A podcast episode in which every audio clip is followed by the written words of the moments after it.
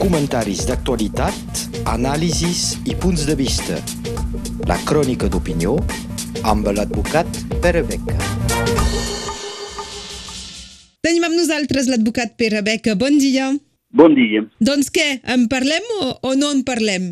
M'imagino de la Copa del Món de Futbol. Exactament. Això que estem dient. Sí, no, em sembla que és un subjecte prou important de nivell mundial per eh, no deixar estar i considerar que és una cosa secundària. Perquè en si sol, aquesta Copa del Món és el resum de les contradiccions del món actual. Contradiccions econòmiques, ecològiques, polítiques, tot està resumit en aquest petit territori del Qatar, eh, que és eh, una mica més gran que un departament francès, però que concentra una gran part de la fortuna mundial.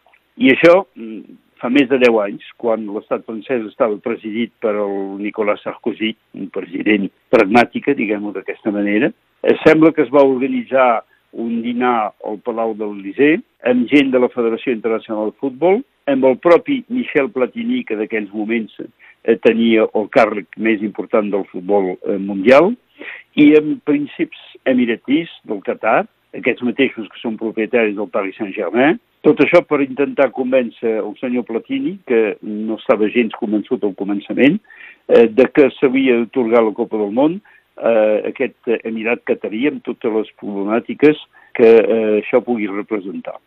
De pas, quasi tots els participants d'aquest dinar han tingut alguns problemes amb justícia per a altres coses, però mm, d'alguna manera totes lligades entre elles.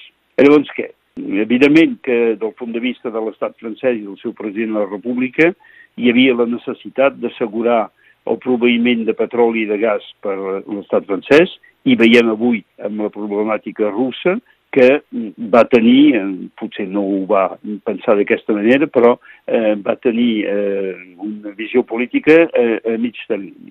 Al revés, tothom sabia des d'aquell moment que eren les condicions climàtiques, eh, per això, per tant, s'han hagut de modificar els calendaris dels campionats de tots els països europeus, perquè normalment la Copa del Món és el juny i juliol i en aquell moment a Qatar fa massa calor, doncs aquestes condicions climàtiques no eren ignorades i es va decidir en aquell moment de posar la climatització als estadis, que és una cosa que ecològicament és una real barbaritat. Però és que hi ha algun aspecte positiu. Sí, perquè ja és un nonsens ecològic, la climatització a l'estadi és un nonsens ecològic, però D'aspectes positius sí que n'hi ha, evidentment. La primera és que això concentra l'atenció mundial en aquest país.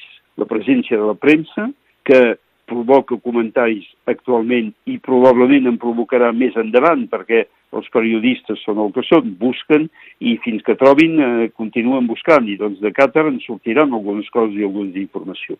I també que es fa una redistribució de diners perquè evidentment que són grans empreses que han fet les obres al Qatar, però darrere les grans empreses hi ha petits subcontractants i d'alguna manera s'ha redistribuït el diner.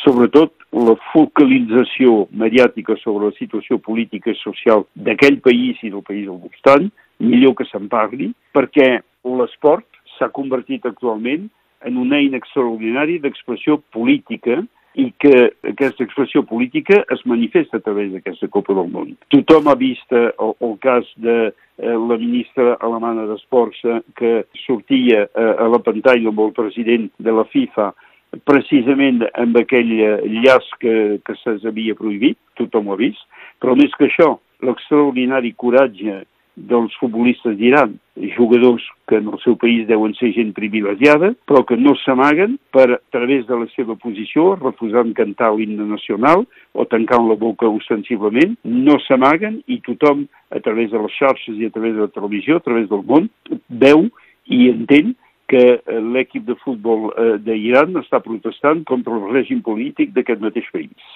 És una eina, tampoc és una eina eh, segura totalment, perquè recordem eh, què va passar a través de moltes altres eh, grans manifestacions que van ser organitzades en el seu temps eh, en països sota dictadura. Eh, Copa del Món de Futbol Argentina. La dictadura va continuar durant 5 o 10 anys després.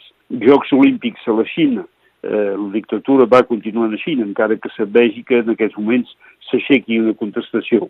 Jocs Olímpics de Moscou en el seu temps, els Jocs Olímpics d'hivern a Rússia, també no ha impedit que la dictadura s'anés mantinguent i fins i tot eh, si mirem l'Alemanya 1936 amb Hitler, encara que Jesse Owens eh, hagi sigut el campió dels campions en aquells jocs i que era negre, eh, va ser una eina de poder per a Alemanya. Però tanmateix, en aquests jocs de 36 va ser també una manera, la primera, per als, als esportistes eh, negres o de fora dels Estats Units de fer conèixer la seva posició.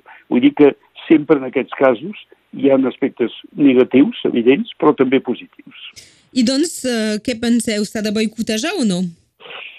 Lo segur és que mm, no podem no fer res, perquè eh, és un esdeveniment eh, de caràcter mundial, molt mediatitzat, i que els països, i especialment els països democràtics en els quals fins ara la llibertat d'expressió és permesa, necessiten que hi hagi aquesta llibertat, que hi hagi aquesta discussió.